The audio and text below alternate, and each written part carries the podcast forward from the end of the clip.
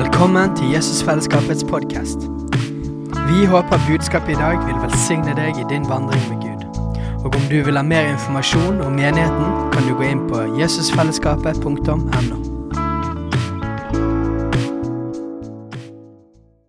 Så da er vi i gang med, med et, eh, en ny Kulturkrigen live for andre gang i historien, men ikke siste gang. Det skal bli mange Kulturkrigen live utover, så det blir kjekt. Og eh, I dag er det da meg og Steinar og Ronald. Og eh, Fokuset i dag er jo å tenke kristent. Vi har satt en overskrift som eh, å tenke kristent i en pluralistisk verden. Men det er jo det å tenke kristent. Hva vil det si? Hvordan ser det ut? Hva er det som gjør at vi kan tenke kristent? Hva er det som former vår måte å tenke på?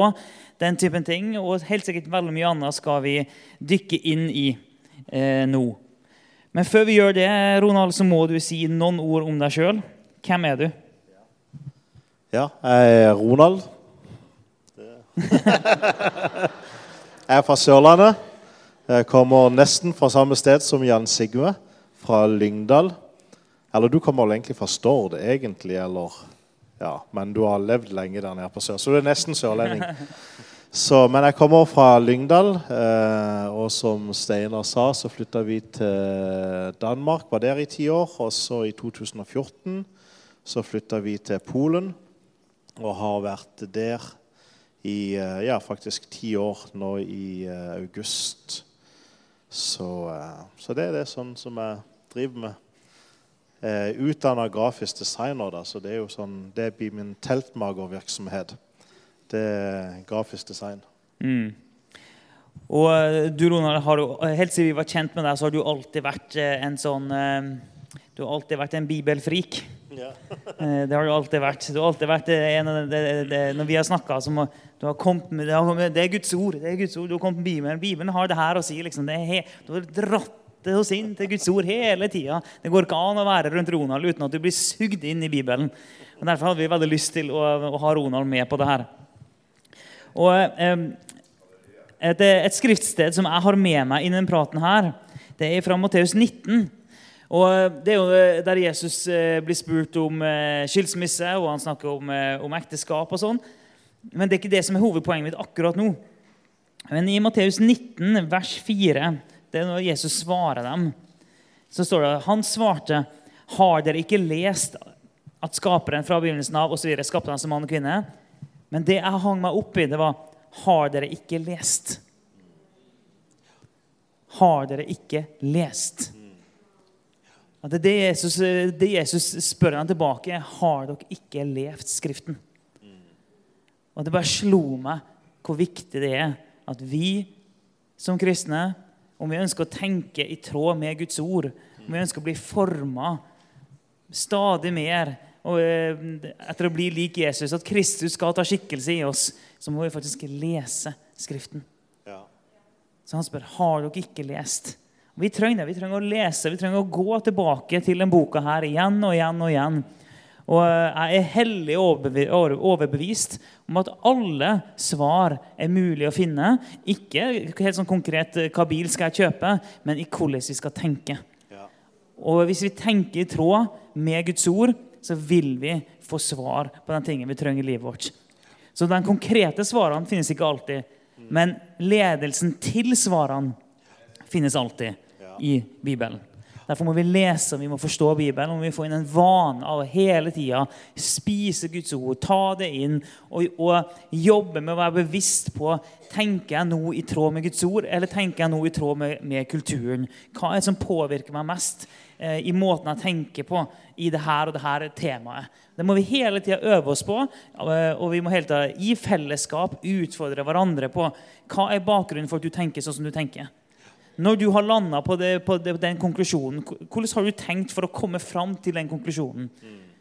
Har du tenkt på en måte som faktisk er i tråd med Guds ord her? Eller har du tenkt på en måte som du har blitt opplært til av å bo i Norge i dag? Så det må vi tenke på. Amen. Og Der syns jeg det er interessant, fordi når Jesus sier det, så sier han jo dette til fariserene. Og det var jo noen som absolutt hadde lest. Så det er jo jeg, litt sånn fornærmende å si til en professor Har du ikke studert? Altså sånn, da, kan han, da kan han bli fornærma. Men, men, Jesus sier jo en annen sted at dere far vil fordi dere ikke kjenner Skriften og Guds kraft. Så det, det er jo noe med håper si, Når man skal lære å tenke kristent så han, Det er mange som har lest Bibelen, men, men det er jo noe med den sammenhengen mellom Guds ord og det sånn som vi hadde i går. håper si, Guds nærvær, Helligåndens ledelse. Eh, du sier, Bibelen sier ikke noe om hvilken bil du skal kjøpe. Men, men Bibelen har en hel masse prinsipper som hvis du leser Bibelen med Den hellige ånd, så ser du de prinsippene som du kanskje går glipp av hvis du bare leser bokstavene av hva som står der. Og det er jo der som jeg tenker er jo litt av det som Guds folk må lære. Jeg tror generelt så leser kristne ikke Bibelen. Kanskje det er liksom litt fornærmende å si, men veldig ofte så, så, så, er det veldig lite vi faktisk leser Bibelen. Og hvis vi leser Bibelen, så leser vi veldig overfladisk. Men, men det er jo noe med det med å som du nevnte var inne på, dette her med å studere Bibelen. Virkelig håper jeg, grave seg ned i, i, Skriften. Og det er relevant i den verden som vi lever i. Fordi at Der er det veldig mye spørsmål. Og hvis ikke vi vet hva Bibelen sier, hvordan skal vi da forvente at de skal kunne navigere i håper jeg, Og det blir jo enda viktigere som leder. håper jeg, Hvordan skal vi forvente at menigheten skal kunne navigere hvis ikke vi har gravd oss ned i Guds ord og modellere det håper jeg, til, til resten av menigheten? Det er et spennende tema som vi gikk inn i her, med dette med ordet og ånden. Mm. Eh, og koblingen med det. Og til lytterne våre, vi er jo på en konferanse her om tjenestegravene. Der vi snakker om de forskjellige ja, tjenestegravene, forskjellige sider da, av Guds rike som vi løfter fram. Og vi, ønsker, vi tror jo det at vi trenger alle disse her. Og eh, Så hele dette med ånden ordet dere kjenner ikke eh, dere farer vill for dere ikke kjenner Skriften og heller ikke Guds kraft, så har du denne ånden og ordet. Jeg synes det er også spennende å se Helt fra skapelsen av så, så står det at uh, i begynnelsen av første Mosebok, kapittel 1, står det at Guds ånd svevde over vannene. Mm. Og så sa Gud. Og så talte Gud. Så Gud skapte ved å snakke, ved å tale ut, ved, ved hans ord. Men så ser du det, det Guds, Før han talte, så svevde Guds ånd der. Så det er denne koblingen med ordet og ånden skaper, og det skaper liv. Ja. Eh, og, eh, så derfor er det jo sånn at i, i ubalanse blir at litt sånn som fariseerne, da, at du kan, du kan, være full av kunnskap, men det fører ikke nødvendigvis til liv. Mm. Og så kan du være full av ånd, men det kan likevel gjøre at du farer vill. Sånn at, eh, sånn at, hele tiden så søker vi til denne her balansen av ånden og ordet sammen. Og vi tror jo det at det finnes ingen motsetning mellom ånden og ordet. Faktisk er det sånn at ordet ble inspirert av Den hellige ånd. Det er innblåst av Den hellige ånd. Så det er åndens verk. Eh, og på samme måte fra andre siden så kan vi se det at, eh, at det er ingenting Den hellige ånd gjør som står imot ordet. Sånn at, sånn at de henger liksom uløselig sammen. Ja. Eh, men så er det noen som gjerne er skrudd sammen og utrustet til å lettere flyte med ånden og forløse det, og noen som har, har en annen type åpenbaring og er skrudd sammen sånn at måte, kunnskap og forstå ordet kommer lettere for dem. Men vi trenger hele den pakken. Og Det tenker jeg kanskje litt av eh, kanskje når det kommer til når vi snakker om det her med tjenestegavene. Fordi at Læreren har jo ofte blitt sånn Man vet hva en lærer er. Det er en som er på skolen, og så står han og så underviser en hel masse ting. Og så tenker jeg men det må jo være en lærer. Og så har man på en måte et bilde av en lærer som på en måte, det er noe veldig teoretisk. Det er noe, noe tørt, noe håper jeg, som bare skal formidle en, en del tanker. Hvor jeg tror håper jeg, den bibelske si, læreren er ikke bare en som skal bare sitte og avlevere en hel masse kunnskap. Det er på en måte Ja, det var det noen som våkna opp. men, men, på en måte det, Jesus, Når man ser på hvordan Jesus var en lærer, så levde han med disiplene. Det, det, var ikke bare det at han var der for å holde en bibeltime for disiplene. Men, men det var på en måte han modellerte noe. Han, han underviste, det gjorde han. Men, men, det var i en setting holdt på å si, der de delte liv. Det, han var tett på disiplene. han var ikke bare interessert i å gi dem kunnskapen. Han ville vite hvordan de tok den kunnskapen, og så satte den på en måte ut i livet i hverdagen. Og det tror jeg mye mer er kan man si, lærertjenesten. Det, det handler ikke bare om å, om å, være Jeg tror ikke en lærer nødvendigvis trenger å være en teolog. Men, men det handler om å være en som på en måte kan formidle bibelske sannheter, og som ikke bare er interessert i bibelundervisninga, men som er interessert i hvordan skal dette leves ut i hverdagen. Mer praktisk. Og En veldig interessant ting når vi ser på Jesus, er jo at eh, disiplene og mange andre kom stadig til, Jesus med spørsmål. Mm. Og igjen og igjen så svarer han ikke konkret på spørsmålene deres.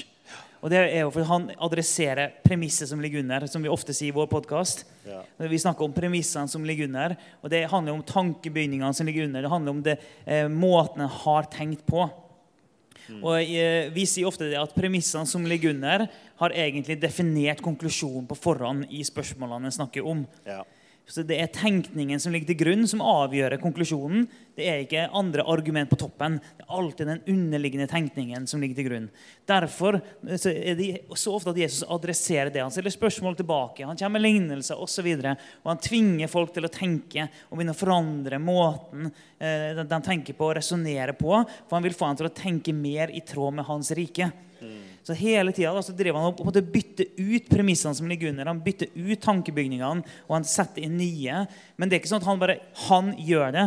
Han får folk til å ta de stegene sjøl. Ja. Vi alle sammen vi vet at skal vi lære 'learning by doing', 'learning by thinking' osv. Det er at vi må, og det, det, det, gjelder både egne liv, det gjelder i våre menigheter, dem vi snakker med.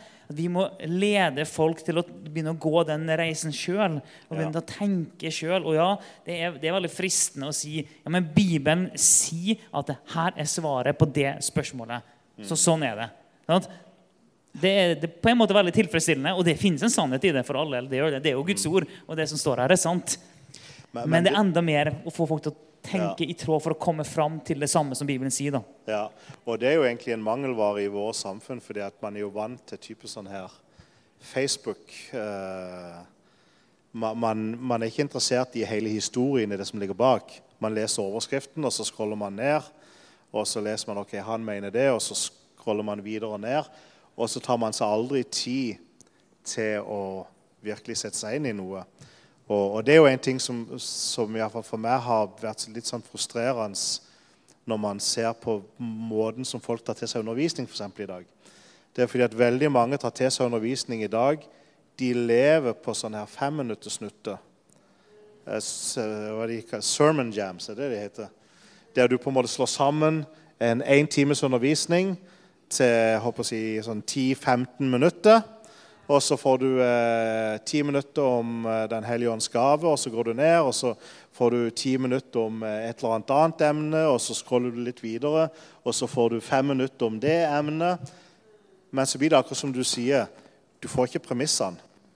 Du, du, du lærer ikke hvorfor var det den forkynneren kom fram til det. Til det. Og det er, du, det er, det veldig mange som egentlig ikke er interessert i engang i å vite. De vil bare ha kan, du bare gi meg håper jeg, svaret, så, så slipper jeg å tenke? Uh, og, og, Det er jo det som vi ønsker å unngå når det kommer til å tenke kristen. fordi Sånn tenker ofte samfunnet, men hvor mye mer kraftig blir det ikke hvis vi som Guds folk faktisk vet hvorfor vi tenker det vi tenker. Mm. Og, og det, jeg, det tenker jeg det er noe egentlig, altså sånn For min egen del, hvis man diskuterer teologi, så kan folk ha forskjellige holdninger. Og jeg har det, helt fint med at folk mener ting som er annerledes enn det som jeg mener. hvis jeg bare vet at de har kommet fram til det ved at de faktisk har studert. Men, men jeg kjenner noen ganger jeg blir litt provo provosert når jeg hører folk bare si noe, og så bare vet jeg det her har du ikke tenkt igjennom i det hele tatt. Du har hørt en tale, og så har du hørt at han predikanten sa det, og så nå bare lirer du av den samme leksa. Men, men, du har ikke tatt deg tid til å finne ut hvorfor. Og hvis du bare har tatt deg tid til å finne ut hvorfor du mener det du mener, ok, fint, så, så kan vi være uenige, og så, så er det greit. Mm. Men, men ja, ta deg iallfall tid til å finne ut på en måte premissene, det som ligger under. Det tror jeg er viktig. Ja, jeg tenker jo i, i kobling til lærertjenesten og dette med læreren, så er det et veldig fint begrep på det å bli grunnfestet i Guds ord. Mm. Så det er en lengsel etter at folk skal ha en solid plattform av, av Bibelen. Ikke bare spise twist og snacks ja. eh, av, av, Bibelen, men, men, ha en solid plattform. Eh, og, og, det er jo noe av det læreren da utruster til mm. og hjelper til. Se de lange linjene og gå dypere. Og i, i Det nye testamentet så kommer jo de ut fra sant, den, den, jødiske kulturen som var veldig preget av dette med å gå dypt i Skriftene. Mm. Man lærte utenat eh, masse. Mm. Eh, og eh, det er interessant å se på Jesus òg. Historien fra når han var i tempelet som tolvåring. Når vi snakker om tjenestegraven her, så er det jo interessant å, å Det handler jo om Jesus. sant? Vi ønsker å vise Kristus. Og så har han forskjellige sider, og så belyser vi de forskjellige tjenestegravene belyser forskjellige sider av den han er. Og, eh, og han var òg en lærer. Og vi ser at når han var tolv år og var i tempelet Jeg kan lese det, da. Det er fra Lukas eh, 2, 46 og 47. Og det skjedde etter tre dager at de fant han i tempelet. Der satt han midt blant lærerne og hørte på dem og spurte dem. Og alle som hørte han var forundret over hans forstand og over de svar han gav. Mm. Så du ser at dette var en, en, en, sterk del av Jesus veldig tidlig. At han, eh, han han var interessert og trukket mm. til Guds ord og til læren. Og han ville forstå, og han spurte, mm. og han gravde. Og, eh, og, de var forundret da, over Wow, for en innsikt, sant? for en åpenbaring. For en kunnskap han har allerede som tolvåring. Og dette var, jo, dette var jo veldig en del av, eh, av kulturen, disippelkulturen i Israel. Var det at du hadde en rabbi, en lærer, som kjente Skriftene. Og så fulgte du den. Du satt med hans føtter. Og så satt du og spurte og grov.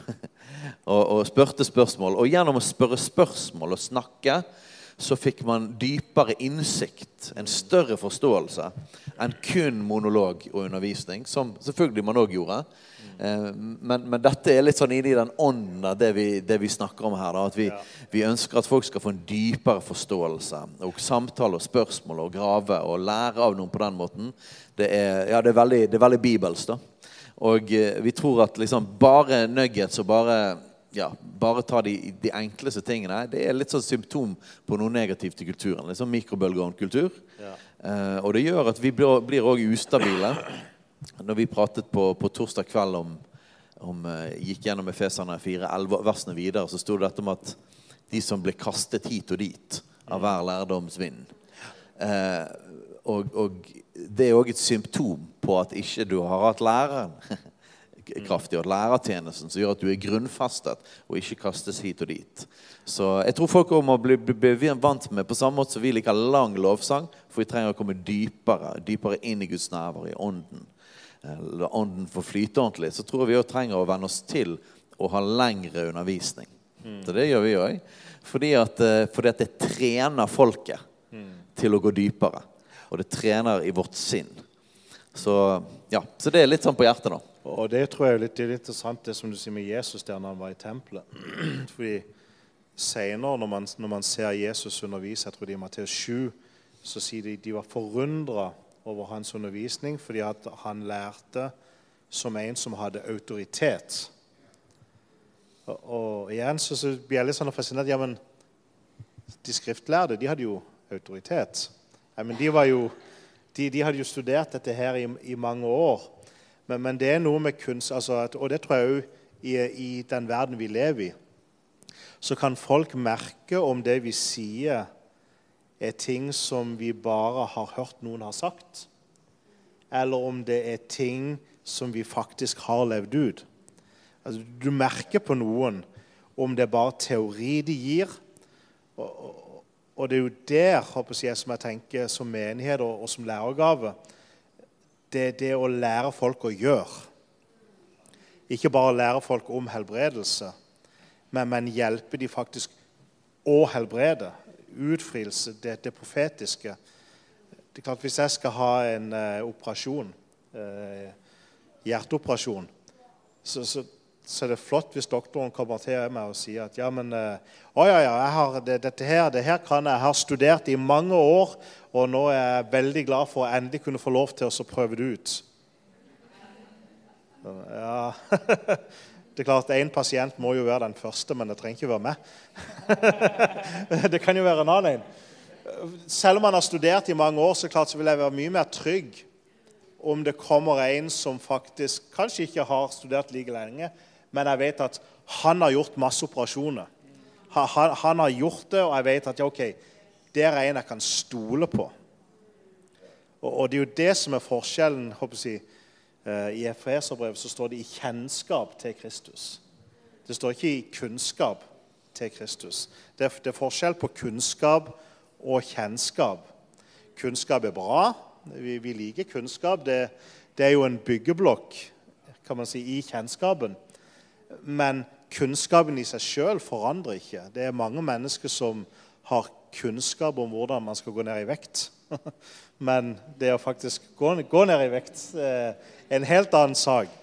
Hvor man på en måte, Jeg ønsker ikke bare å ha kunnskapen, jeg ønsker, jeg ønsker å høre på noen som har kjennskapen. Og, og Det er jo det med å håper jeg, ikke bare gi folk en kunnskap om Jesus, men det å faktisk lede folk inn i en kjennskap til Jesus. Og det tror jeg vil utruste mange i en verden der vi møter alle mulige forskjellige tankebygninger og ja, ting som kan utfordre vår tro. Hvis du har kjennskap, så står du bare ufattelig mye sterkere enn hvis du bare har fått kunnskap. Og det tenker jeg kanskje er den viktigste jobb som vi gjør. Det å gi folk kjennskap til Kristus. Ja, helt klart. Og jeg tenker på um når en kjenner Guds ord, så vil en veldig ofte um, i møte med ulike temaer og spørsmål sånn, Det er ikke alltid at en vet nøyaktig hva en mener, men en kan kjenne bare sånn, mm. uh, litt sånn hvor hen veggene er i rommet, hvor hen, hvor hen grensene går. En kan kjenne liksom sånn Ja, OK, det du sier der, det er, jeg merker at jeg reagerer på det, for jeg har lært meg å tenke kristent. Jeg trenger litt mer tid på å finne ut av det. Sant? Eh, ofte så det, eh, fungerer det på den måten. Og, um, og uten at vi skal liksom gå langt inn i teologien på det, men en, en sånn typisk ting er jo f.eks. For, for oss som noen kaller meg og Steinar, eller vi, vi, kaller oss egentlig sjøl det òg, mørkemenn. Det er sånn at Ja, og dere er imot homofili. Sånn, ja, det er riktig. Det er vi. Men det er fordi at vi er mye mer for noe enn vi er mot noe. Ok, og så vil den gjerne si ja, men det finnes bare noen få vers i Bibelen som uh, forbyr homofili. Ja, det er på en måte til en viss grad sant. Men hvis du leser Bibelen, så ser du at hele Bibelen fra start til slutt viser oss et helt annet bilde. Sånn vi har veldig lett for å, begynne, å bare lete etter enkeltvers. Men tar du Bibelen som helhet, så ser du at Bibelen som helhet fra start til slutt så har du brud og brudgom. Fra start til slutt så har du ekteskapet som et bilde på det. Så det gjennomsyrer hele Guds ord som en, en svær, tjukk, rød tråd som ikke er mulig å unngå hvis du leser hele Bibelen. hvis du leser igjen og igjen. Mm. Og det er nettopp det da, sånn Vi driver ikke og leter etter sånne enkeltstående ting. Vi leter etter Bibelen som helhet. I, i salmene så står det sånn at summen av ditt ord er sannhet. står det. Ja. Det er nettopp det, det er at Summen av Guds ord Vi spiser, vi jobber med det, vi tar det inn. Og det hjelper oss til å tenke kristen. Det hjelper oss i, i møte med alle sånne ulike spørsmål. Mm. Og det er jo litt det med, for Du kunne jo si at ok, homofili er synd, og folk kan bli fornærma på det. Men tingen er jo den at det hjelper ikke så mye bare for å høre at det er synd. hvis ikke du Ja, men hvorfor? Altså, hvorfor er det feil? Eh, det hjelper ikke at jeg kommer til, til en ufrelst og bare sier 'du er en synder'. Eh, ja, hva, hva har jeg gjort så galt? Hvor, hvor, hvorfor er jeg det? Eh, jeg, da, jeg er ikke så slem, jeg. Men det er jo det som veldig ofte mange kristne gjør. De blir av, håper jeg å si De møter noe som de blir fornærma over.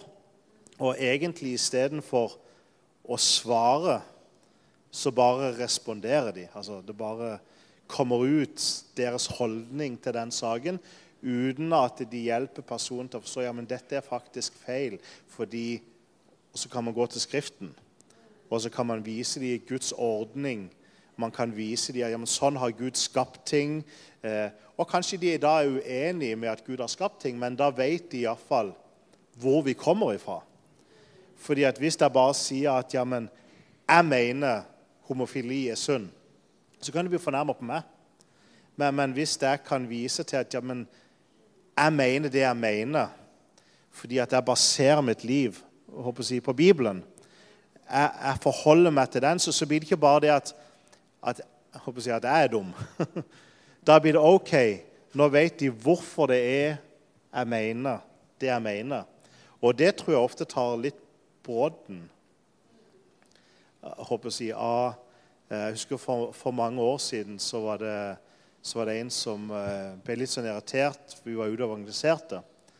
Eh, og, så, brukte jeg loven når, når jeg håper å si, forkynte evangeliet. Og han følte det, det var litt dumt å gjøre det. Og Det, det var ikke fordi at man blir frelst med å holde loven. og litt sånn her. På, på ingen måte. Men, men tingen var den at jeg kan gå ut og si til folk ting som kan være veldig bra, men hvis ikke de forstår hvorfor, så, så hjelper det ikke. Det, det, det, er fint. Jesus elsker deg. Amen. Det gjør han. Det, det er riktig. Men, men, det er ikke derfor jeg trenger å bli frelst. Eh, Gud er god. Halleluja, det er han. Men jeg trenger jo ikke å bli redda fordi at Gud er god. Eh, det, det, er mange ting jeg kan si. Jeg håper å si Jesus elsker deg. og alle ting. Helt riktig, helt sant, helt riktig. Ja, amen. Men, men det hjelper ikke folk til å forstå hvorfor. Og, og, det tenker jeg er kanskje noe som Det å leve i den verden vi lever i, det, det å kunne ikke bare svare på spørsmål som ikke har blitt spurt, men, men det å faktisk kunne lede folk jeg håper å si, fram til hvorfor det er Bibelen sier det den sier, hvorfor det er vi mener det vi mener, det tror jeg veldig ofte vil ta brodden ut av mange av de ting som kanskje i mange vil se på som fornærmende. Hvis vi bare forteller dem håper jeg, du er en synder, og så stopper vi der. og så, Ja, det var da hyggelig. Tusen takk. Og da har vi jo gått litt inn i, i, inn i spørsmål da, som er jo da si, kontroversielle, og som ting som vi står for som kristne, som Guds ord beskriver, som krasjer da med kulturen vår. Og Da passer det godt å lese et av liksom disse her kjerneversene for, for denne podkasten, Kulturkrigen. og Det er fra Kolossene 2, 6-8. Like som dere altså tok imot Kristus Jesus som Herre, så vandre i ham rotfestet og bygget, oppbygget i ham, grunnfastet i troen, slik dere har lært, rike på takk. Se at ingen får fanget dere med visdomslære og tomt bedrag etter menneskers tradisjoner, etter verdens barnelærdom og ikke etter Kristus. Eh, her er dette ordet som er oversatt her, visdomslære, er det samme ord som filosofi. Eh, så, så her er det kontrasten mellom Kristus, å være grunnfestet i Han, og både virkelighetsforståelsen og alle mulige tanker som er i verden. Så dette er jo en sånn type sånn konflikt som vi som kristne blir født inn i når vi blir født på ny. Vi kommer fra en annen verden. Vi kommer fra en, en, en, en, annen virkelighet, en annen måte å tenke på. Og det vil, det vil krasje med filosofi og ideologi og ting i kulturen vår. Og så her eh, oppfordrer eh, Paulus vandre i Jesus. Vær grunnfestet i Han. Eh, og ikke la, la, dere få prege, ikke la dere fare hit og dit av all den læren som vi har i verden. Og eh, det har, det har vært en tid, og det fortsatt er det, der vi tenker at måten vi skal nå ut med evangeliet, er at vi skal være så lite støtende som mulig. Og på en måte ikke gå i for stor kontrast til verdens visdomslære og, verdens måte å tenke på. Og at det på en måte kanskje kan gjøre det litt lettere for folk å komme til Jesus. Eh, jeg tror jo ikke at det er sånn det funker. Jeg tror det at, vi, at, at evangeliet er i seg sjøl eh, et anstøt. Og at, eh, at, vi ikke kan løpe vekk fra denne her konfrontasjonen, denne krasjen som er med, med, mellom Guds rike og, og, verden, og den måten å tenke på. Og Jeg tror ikke vi skal være redd for det. Eh, men jeg tror det at når vi opplever den krasjen Hvis vi står fast og tydelig, så, og folk møter det, den fastheten, så tror jeg at akkurat den konflikten akkurat den spenningen der eh, er et område der Den hellige ånd jobber i menneskers hjerter. Og at det er en del av forutsetningen for at de kan komme, litt sånn som du var inne på der. Hvorfor er det trenger å bli frelst? Jo, da, da trenger evangeliet å stikke i hjertet. Eh, og så, så, dette tror jeg òg ligger litt sånn i lærertjenesten òg. Å, å løfte opp de tingene som spesielt er områder som krasjer med kulturen og måten vi tenker på. Og at vi ikke trenger å være redd for det. Vi kan være frimodige med det. Eh, for det at vi tror det at det, det, Gud har sagt, og det han, sånn han har satt opp verden, det er godt. Eh, og vi trenger ikke å være underlegen.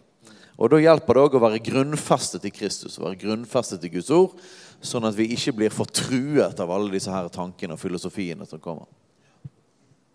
Du nevnte det med at eh, vi ikke trenger å være underlegen. Veldig mye av det gode med Vesten veldig mye av det gode i måten vi tenker på i Norge i dag. Det finnes gode ting òg. Det gjør det. Eh, men mye av det gode kommer jo direkte ifra kristen tenkning. Eh, og eh, Noen vil gjerne trekke fram menneskerettighetene som noe grunnleggende i måten de ser verden på. Ja, men Hvis du sporer tilbake, hvor henter en verdigrunnlaget for det? Da ja, da kommer du til, til kristendommen. Og sånn er det på så mange ting av den gode måten jeg tenker på. Sporer du det tilbake, ja, da kommer du til Jesus. Igjen og igjen og igjen så kommer du til Jesus. Og, og så eh, vi, skal, vi, kan ha, vi, kan ha, stor frimodighet på å fronte den måten å tenke på som, eh, som Bibelen viser oss. For den har prega veldig mye av det gode som vi har i samfunnet vårt. Så det er så det, Og en, en interessant for å ta litt reklame for en annen podkast. Det er eh, noen gode venner av oss som er misjonærer i Kenya. Eh, Swahili Coast Mission med Linda og Stig heter podkasten. Eh, noen fantastiske folk der som driver på med et misjonsarbeid. De snakker mye om hvordan de hele tiden må jobbe med det her. For det er, det er folk som Den kristne kulturarven har ikke veldig lang historie der. Så det, folk sier én ting og gjør noe annet hele tida. Og det er et svært, svært problem for dem.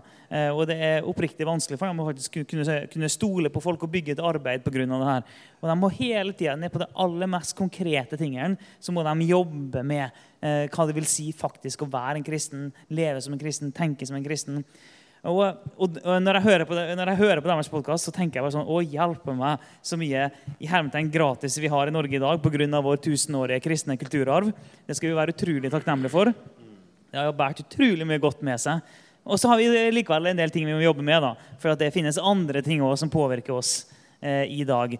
Og i forlengelsen av det så vil jeg bare si at det er, det er jo sånn at vi alle vi, vi blir påvirka av alt rundt oss til enhver tid. Det er ikke sånn at vi eh, Av og til blir vi ikke påvirka, og av og til blir vi påvirka. Nei, vi blir påvirka av alle ting rundt oss hver eneste dag. Det er realiteten. I større eller mindre grad så blir vi påvirka hver eneste dag av det som er rundt oss. Og av alle ting vi tar inn, av alt vi ser, av alt vi hører, av alt vi leser, av alle vi snakker med. Vi blir påvirka. Og da trenger vi å ha en motvekt mot alt det som vi lever i, alt det vi står i. Og hvis vi lite blir påvirka av Guds ord, hvis vi lite blir påvirka av, av Guds ånd, hvis vi lite blir påvirka av det kristne fellesskapet, så har vi veldig lite av det, så har vi veldig mye av alt det andre i livet vårt og i samfunnet vårt. Derfor er det helt avgjørende at vi er en del av et kristent fellesskap. At vi eh, leser Guds ord, at vi ber.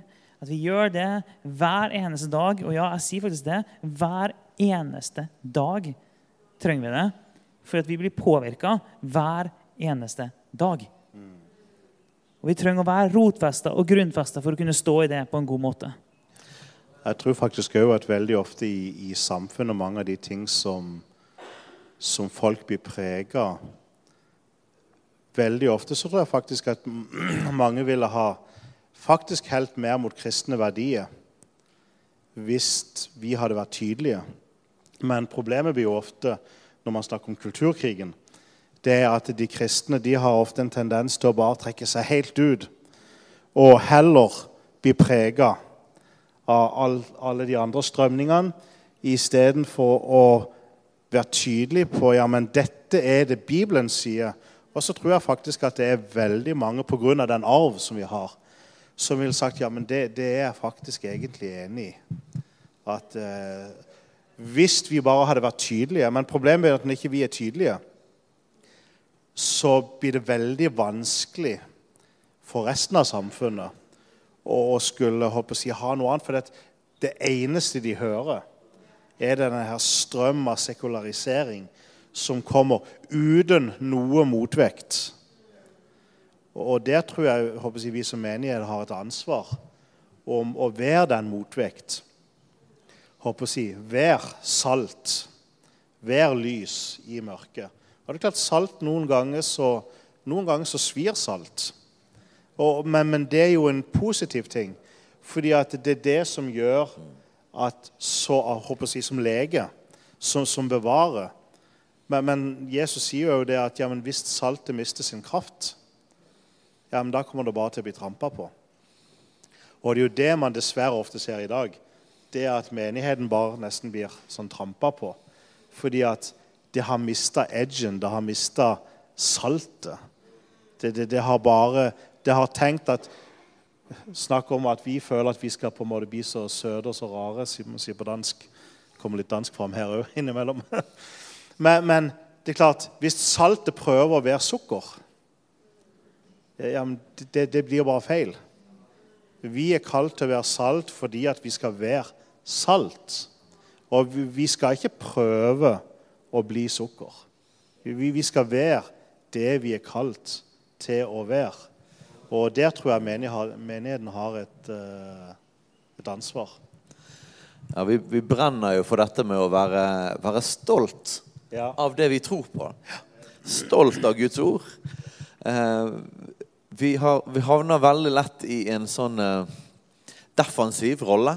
Mm. Fordi at det, liksom, det trykker på utenfra og så gjør at man beholder hodet nede, blir litt redde. Og så, og, og så tror jeg mange kristne òg eh, kjemper med at man på en måte er litt flau egentlig av det vi står for. Fordi at liksom, ok, jeg står for det, men ah, jeg, jeg, har ikke lyst på konflikt, og det føles flaut, og det føles som det er litt sånn fælere enn det alle de andre står for. og det Innerst der inne kunne jeg ønske at jeg jo bare kunne tro på det alle de andre trodde på.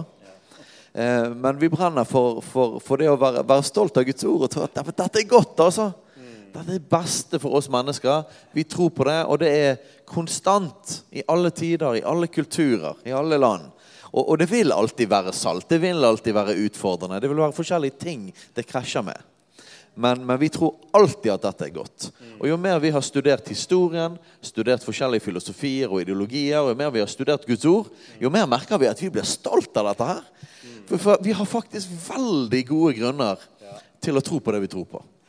Og, og eh, kulturen vår De aller fleste vet ikke hvorfor de tror det de tror. De tror det fordi alle de andre tror det. Og hvis du hadde bare spolt liksom tilbake i tid, så hadde de trodd noe annet. Bare fordi at da trodde alle de andre det. Men, men vi har en fantastisk eh, eh, fordel som kristne. Det er at vi sporer. Vi har et grunnlag. Vi har et fundament. Og dette er noen ting som jeg brenner for at, at, at kristne skal få ta få denne lille nøkkelen her. da. Og det å spørre spørsmålet Hvorfor mener du at det er noe som er rett, og noe som er galt? Du mener det er noe som er galt. sant? Alle mener det er noe som er galt. Hvorfor mener du det? Hva grunnlag har du for det? Vi har et grunnlag. Vi tror at Bibelen sier hva som er rett og hva som er galt. Kaller, Gud kaller noe for synd, han kaller noe for ikke synd. Han kaller noe for godt, noe for ondt. Så vi kan skille mellom godt og ondt. Vi kan begrunne det. Vi kan si det at det, det, er, det er ondt å drepe et menneske. Hvorfor det? For Bibelen sier det. Hva er din grunn for at du mener det er galt? Nesten ingen har et svar på det. De fleste resiterer bare det som alle de andre tenker og tror på. Og veldig mange av verdiene de har, de har de nettopp fra Bibelen. De bare vet ikke De bare tar det for gitt. Og så når de får nye verdier, og man skifter ut ting fra Bibelen Man driver med normkritikk, som er veldig populært. Eh, det er et sånt ord i vår kultur. Da vet man ikke Man vet egentlig bare hva man er imot. Man er imot den gamle kristne tankegangen. Ja, men hvorfor, da? Hvis du i hele tatt, hvis du, hvis du, Med mindre du er eh, Du kan høre på, på podkasten vår for å forstå hva er en postmodernisme. Hva er det for noe? Eh, og, og, men så Med mindre du er anarkist, du er imot eh, at staten skal ha noe som helst Det finnes, skal ikke være noe lov og orden og politi og fengsler og noe sånt. Sant? Det er lovløst. Det er anarkisme. Og at du er postmodernist, at du faktisk filosofisk mener at det fins ingenting som er rett og galt. Og det fins ingen objektiv sannhet. Alle, sannhet. alle kan ha hver sin sannhet. Med mindre du tror det helt sånn. Oppløs samfunn, oppløs politi, oppløs alt sammen. Alle kan gjøre akkurat det de vil, og det fins ingen sannhet. Jeg kjenner ikke så mange sånne folk. De aller fleste tror ikke på det. Så med mindre du er det, da har du i hvert fall vært konsekvent. Så, må du, så har du et forklaringsproblem. Hvorfor tror du da at det er noe som er rett og galt? Hvorfor er det noen som har blitt satt i fengsel for noe? Hva begrunnelse har du for det? Hvis du ikke tror det fins en gud, hvis vi bare er dyr, kan ikke vi da leve som dyrene? Eh, kristne trenger å bli mer frimodige i at vi har et veldig godt grunnlag å stå på. Så kan folk si det, kan du tro på denne gamle boken? Men denne gamle boken den legger grunnlaget for rett og galt i hele sivilisasjonen vår. Og vi tar disse tingene for gitt. Men det kommer ikke fra luften ut fra ingenting. Det kommer fra Bibelen. Og det tror jeg på, og det lever jeg, og jeg tror at det fører til et godt liv og et godt samfunn. Spørsmålet er hvorfor hva tror du på det du tror på? Det er mitt spørsmål. Og der kommer folk til kort. Så vi trenger å bli frimodige på det grunnlaget vi har. Yes. Du, du brukte eksempelet med at ja, det er galt å drepe et menneske. Og uh, Det vil jo de fleste være enig i. Og uh, De fleste vil jo da begrunne det ut ifra en eller annen form for tanke om at mennesket har en verdi. Um, uten at en nødvendigvis har tenkt mer gjennom det enn det. Men en har en tanke om at mennesket har en verdi. derfor det, det må bare være feil å ta livet av et menneske. Det kan en ikke gjøre. Uh, går en gjennom historien, så vil en se at i, i, et flertall jeg skal ikke si i absolutt alle, men i et flertall av kulturer og sivilisasjoner opp igjennom historien, så har det ikke vært sånn at et menneske har verdi i seg sjøl. Det, har, det, kan ha en verdi basert på uh, klasse og kaste og posisjon osv. Det kan det ha, men ikke i seg sjøl. At som et menneske så har det verdi. Det har ikke vært normalen utenfor kristendommen. Det har det ikke vært. Um, og det viser da uh, hvordan det her er med å forme oss. Og, da, og, og så kan du da uh, sånn, Du sa sånn Ja, men for Bibelen sier det. Og, ja, så sier Bibelen så mye mer. da. Den sier ja, men hvorfor er det galt? Jo, vi er skapt i Guds bilde, f.eks. Vi er skapt i Guds bilde.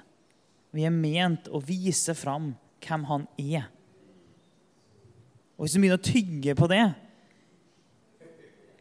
bare la det synke litt inn, så begynner du å forstå at uh, å ta livet av det, det kan umulig være særlig innafor. Så, så Bibelen går så mye dypere på alle sånne typer spørsmål.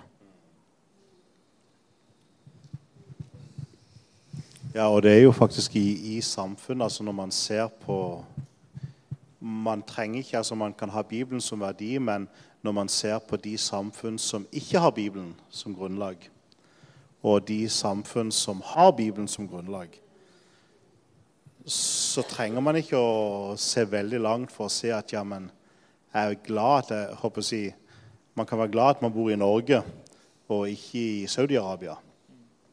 Altså, det, det, tingen er jo den at de, de fleste vil jo, vil jo, kunne se på det. ok, Det landet har Bibelen som, som fundament. Det land har ikke det. Jeg, jeg velger det landet der. Ja, men ok, hva, hva forteller det deg om hva som er lurt å bygge sitt liv på? Og, og det er jo det, men, men mange kristne tenker ikke så langt. De, de, de bare følger håper jeg, strømmen istedenfor det å se ja, men det har faktisk vært med og brakt veldig mye inn. Og det, har jo vært positivt, det er jo mange positive strømninger tror jeg, i den tid vi lever i, hvor mange begynner å våkne opp. Òg for, eh, for bibelske verdier, egentlig. Sånn som Jordan Peterson. Han var vel her i Bergen for ikke så lenge siden. Hvor, hvor man ser folk faktisk begynner å se at ja, men, det er faktisk en verdi Eh, jeg så her for, ikke, for et stykke tid siden så, så jeg en uh, statistikk som faktisk viste statistisk så lever du lenger hvis du kommer i kirke hver søndag. Og Det er klart at det, det er jo litt interessant. Og faktisk samme statistikk så hadde de De kunne bevise statistisk sett at du levde lenger hvis du kom i kirke to ganger i uka enn hvis du kom én gang i uka. Og det var ikke håper jeg, Selvfølgelig så tror vi på Bibelen, men, men, det er jo veldig fint når man da kan faktisk bare se at dette fungerer. Og det er klart at eh, Nå er jo tredje dagen på rad, så eh, dere har sannsynligvis økt livskvaliteten bare med å være her på eh, seminaret. Og eh, Andrea og de, eh, Danny de bor jo her i kirka, så de, de må jo leve evig. og vi tror jo det at sant? Man kan jo måle i statistikken og hvor mange ganger gikk du til kirken. Sant? Men det, ja. vi, det vi tror som ligger under der, er på en måte lever du etter. Det er et ja. symptom sant? Ja. på om du lever etter Guds ord. Mm. Og om du tror på Jesus og du følger Han. Og det, det betyr det at uh, disse tingene, denne manualen for livet, den, den funker. da. Mm. Så la oss være frimodige på at vi bygger livet på, på denne boken her. Det, det brenner vi for. Amen. Ja, og og nå har vi snakka eh, lenge om det her med mm, hvordan Bibelen former oss, og det, det er et grunnlag for oss. Eh, men i, i, veldig tidlig i samtalen vår så eh, nevnte du Rona, det her med viktigheten av å studere, forstå, fordype seg i Bibelen. Og, og, vi, og vi, har en grunnleggende tro på at, den, eh, at sammen med Den hellige ånd så kan vi faktisk forstå det som står her. Det kan vi. vi kan, Bibelen er tilgjengelig. Bibelen er forståelig. Du trenger ikke teologisk utdannelse for å forstå Bibelen. Mm. Det gjør du ikke. Men det vil hjelpe å forstå litt av konteksten av og til. Mm. Det vil det. Det vil eh, gi dypere forståelse. Forstå litt av hvordan samfunnet fungerte på den tida, f.eks. Mm. Det er veldig, veldig nyttig. Og, og Den som kjenner meg, vet at jeg har i lang tid har hatt et veldig oppheng i at Jesus er Herre. Eh, det er, jeg sliter veldig med å komme meg vekk fra Jesus som herre. det, er kanskje, og det er kanskje greit. Han skal jo være min herre til evig tid, så jeg kan like godt være stuck der. Det er et godt sted å være stuck. Eh, det er det. Men, eh, men det, det, bare, det, bare, traff meg utrolig hardt for to år siden. Det, og det har, har liksom ikke sluppet taket i meg. Mm. Um, og, og det, traff meg også, skikkelig når jeg forsto mer f.eks. For Ehm, at når de første kristne når de proklamerte at Jesus er Herre Når vi leser i, eh, i Nytestamentet at det, det, står om at du, sånn at du, proklamerer det ut. At Jesus er Herre. Det er sånn du blir frelst. Mm. At, at, Jesus er Herre. Og Jeg forsto at det sto i kontrast til eh, proklamasjonen om at Cæsar er Herre. Mm. Det åpna en ny verden for meg at, eh, at, det var en vanlig saying i Romerriket. Cæsar er herre. Mm. Og så kom det plutselig noen kristne og sa nei, Jesus er herre. Det betyr per definisjon at Cæsar ikke er det. Altså verdens hersker. Så plutselig gikk det noen kristne rundt da, i samfunnet og sa nei, det er ikke han som er herre. Det finnes en annen herre. Det finnes en annen konge. Og forståelsen av at de levde i en kultur som var gjennomsyra av gudsdyrkelse. De levde i en kultur som var gjennomsyra av av en eh, keiserdyrkelse. Og så plutselig, når de da valgte å ha en annen herre, så var det ikke bare det at de sa det med sine ord, men hele deres liv var jo annerledes. De slutta å ofre til keiser. Mm. De slutta å gjøre det alle andre i samfunnet rundt dem gjorde. Og de begynte å leve helt annerledes. Så bare med å se på livet deres så vil du se at her har det skjedd noe, og du vil se at de har en annen herre. De har en ny herre. Så, og det har utfordra meg på sånn Vil folk rundt meg se at jeg har en helt annen herre enn det de andre har? Vil mine naboer se at jeg har en helt annen herre? Ja. Det, det, det, ikke ofte nok. Mens på den tida var det veldig tydelig. Det var et veldig klart skille.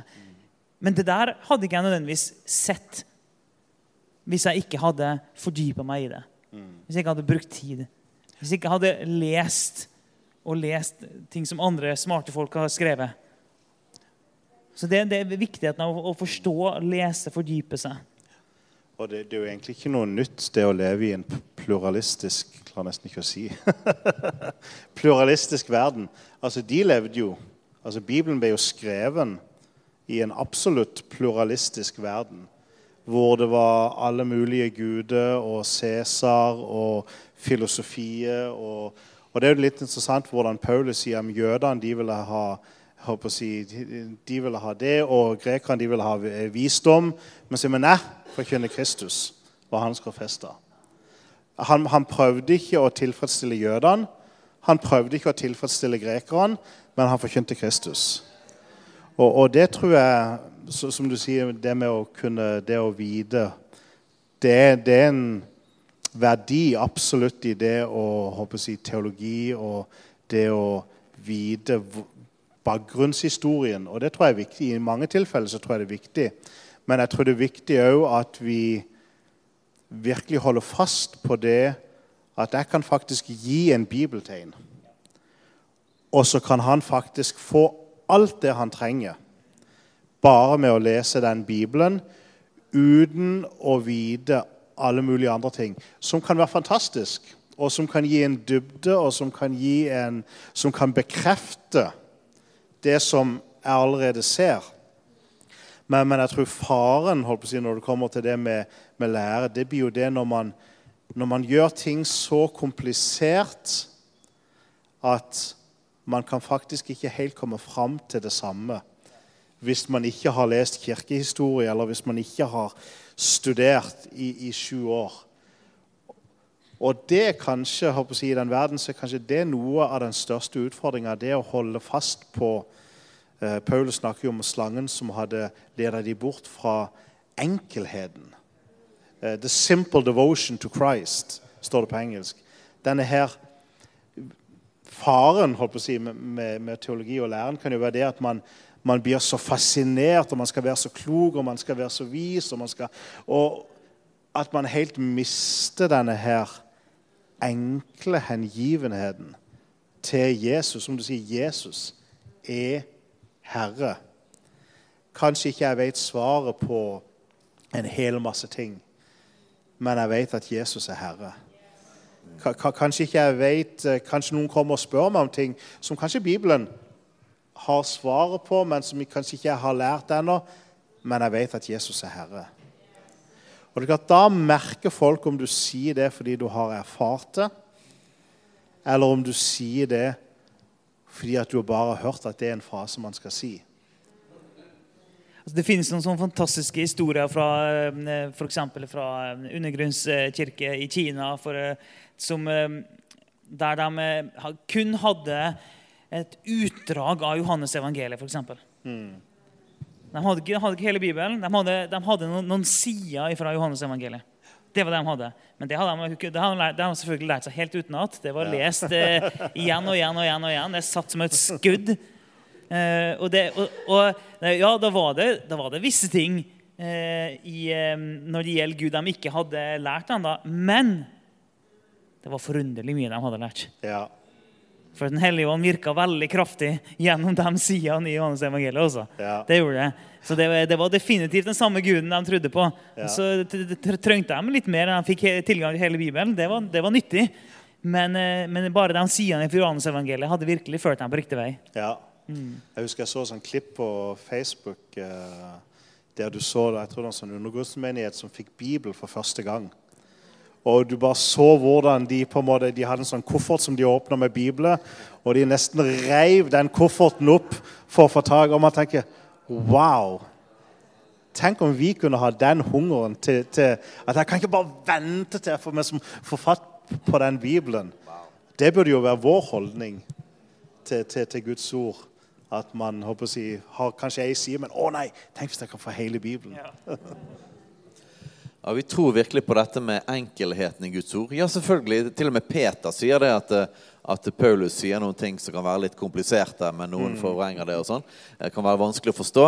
Så, så Bibelen sjøl kan innrømme det at det finnes ting som er på en måte, eh, kan være komplisert eller utfordrende.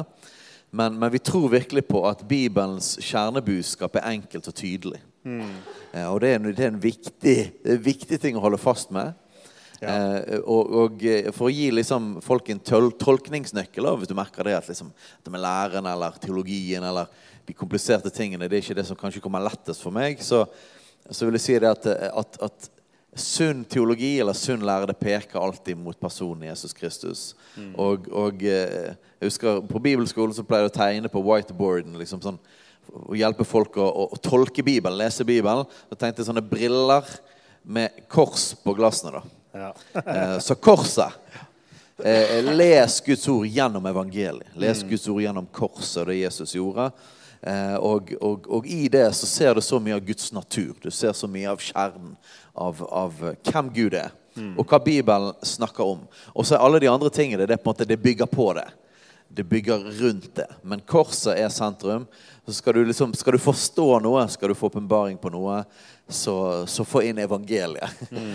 og det vil, det vil, forklare så mye eh, av alt annet. Ja. Så, så og, og, sunn lære betyr ikke eh, å, å, grave seg ned i alle mulige rare spørsmål, men det er jo på en måte dra det inn til det sentrale. Mm. Eh, men så er det jo også sånn at det finnes noen som Gud har gitt, som, som har blitt gitt åpenbaring mm. for å kunne hjelpe Guds folk. Eh, og Derfor er å lese Bibelen utrolig viktig for hver enkelt. Og vi har fått Den hellige ånd, og vi får åpenbaring gjennom han og, han, og Bibelens budskap er sentralt til det enkelt. Og så på andre siden så er det sånn at ja, Gud har også gitt mennesker da, som har en gave til å formidle og pakke opp disse tingene her. Mm. Sånn at det blir simplere. Sånn at det gjør at liksom, Og det vil hjelpe din bibellesing. Så det er ikke en, en enten-eller-ting. Det er ikke bare sånn at jeg kun hører på forkynnelse mm. og ikke leser Bibelen. Eller kun leser Bibelen sjøl og ikke hører på forkynnelse. Nei, det, det, er sånn at vi, vi, skal få lese Guds ord, og så skal vi òg få hjelp av de som har fått en spesiell gave på disse tingene, til å pakke det opp. Og så vil det øke forståelsen mer og mer og mer. Og mer. Ja. Og så er det jo sånn at når, når, du kommer i en livskrise, så, så er det jo ikke håper å si, finurlighetene i Guds ord. altså hvis jeg står i en dyp livskrise, så hjelper det meg ikke at jeg vet at den tredje veggen i tempelet symboliserer det og det i Det nye testamentet, og at fargen blå står for uh, Altså sånn da, da, trenger jeg heller kanskje å være grunnfestet i at Jesus er Herre. Når, når jeg opplever at livet rakner og Eh, barna mine håper jeg, begynner å forlate troa, og jeg kjemper. Og, jeg, sånn. og det er jo litt det med å finne ut ok, det, det, Bibelen er jo jeg, et hav av informasjon og ting som kan være spennende. Hvor det vi trenger å bli, når man snakker om det å bli grunnfesta, så er det viktig at vi velger hva er det vi blir grunnfesta i. Mange de blir så grunnfesta, og elsker Israel. men mange blir så grunnfesta i høytider og eh, jeg, jødiske tradisjoner. Og Det kan være spennende, fint, bra. Gud velsigne det. Men du vet, når du sliter med sykdom, og du nesten står på dødens rand, og du virkelig trenger noe som kan holde deg oppe, så, så er det kanskje andre ting, mer sentrale ting, som du trenger å være grunnfesta i. Og det er jo det med å håper å si, Når du snakker om lærertjenesten, det å holde det sentrale sentralt. Ja. Det, det å holde balansen. Jeg likte det du sa den første dagen. Når du sa at hvis du kom i et sted hvor alle snakka om lov og dom og det ene, ok, da snakker du om nåde. Og hvis du kommer et sted hvor alle bare snakker om nåde og kjærlighet Ok, da snakker du om Og det er jo litt det med, med si, Når jeg tenker på lærergaven, det er jo litt det å si OK, hvor, hvor er det Ok, dette liker de å snakke om. Ok, Kanskje det er dette de trenger da, å få litt grann om. Og det å hele tida være det, det kan jo være kanskje en litt sånn her upopulær På en måte Man kan virke litt sånn her vrang. Men, men, men, det er jo ikke for det å være vrang, men det er for det å hele tida se ok, hvor er det behovet er. Og der tror jeg noe av det viktigste det er å være med å holde det sentrale sentralt. Ja. Fordi at det er så veldig mye ting som kan dra oss i forskjellige retninger. Men, men vi trenger å holde håper å si, the main thing, the main thing. Ja, det, det, er noe med det å være, en, være som en slags vis eh, byggmester. Mm. Og eh, i, eh, i Efeserbrevet 4, så, mm, i vers 11 og videre nedover, så står det her med at, at vi skal vokse altså, inntil vi alle når fram til enheten i troen på Guds sønn og i kjennskapen til ham, og blir det modne mennesket som er fullvoksent og har hele Kristi fylde. Mm. Altså, vi skal bli et moden menneske som er fullvoksent. Og det er noe med at det, at eh, hvis du, eh, hvis du bare måte trener én kroppsdel og ingenting annet, så, så, så, blir det litt sånn skjevt. Det blir ikke et veldig sånn modent menneske ut av det. Ja. På samme måte Hvis du skal bygge et hus og du, du bare bygger på den ene sida, det blir ikke særlig stabilt mm. osv. Sånn, det, det er noe med å bygge en helhet. Bygge, eh, bygge en helhet etter en, etter en mal. Mm. Malen har vi fått her. Og du kan si Bygdtegningene ligger her. Kostholdet ligger her. Eh, og det å, å, bygge etter det, det gir et solid fundament. Det, det, det gjør at en kan vokse opp til å bli et, full, eh, til et eh, modent menneske. Og da er det av og til sånn at som du, Dere nevnte noe nettopp, da, det her med at når det kommer inn, så ser den her, eh, oi, her, eh, her mangla det litt eh, Den, den søyla der bak den så litt vel tynn ut. Ja. Jeg tror vi er nødt til å få, kanskje bytte den ut med en som er litt, litt sterkere, tåler litt mer vekt. Sånn at ikke det som er putta oppå, skal falle ned. Litt sånn er det når man kommer inn. Eh, om man er på besøk eller i sin egen forsamling, så ser en jo sånne ting. Ja. Yes, jeg ser at uh, klokken er der at uh, vi skal gå over til litt mer sånn spørsmål og svar. da. Nå har vi fått oss en eh, grei times episode. og en fin samtale om en del av dette her. Men det hadde vært kjekt å, å åpne litt opp for spørsmål. Eh, jeg tror ikke vi kommer til å ta dette med på podkastopptaket. Eh, så du trenger ikke være redd for det. Men eh, vi har en halvtime til her eh, til å kunne snakke om litt andre ting. Hei, alle sammen. Det er Katrine og Steinar Lofnes her. Vi er hovedledere for Jesusfellesskapet. Så kjekt du har lyttet til denne podkasten. Har du forresten hørt noen av de andre podkastene våre? Ukens tale, Disippelskolen, Hyrdepodden, Kulturkrigen og Mammas hjerte. Du finner disse podkastene på Spotify, Apple Podkaster og på nettsiden vår jesusfellesskapet.no.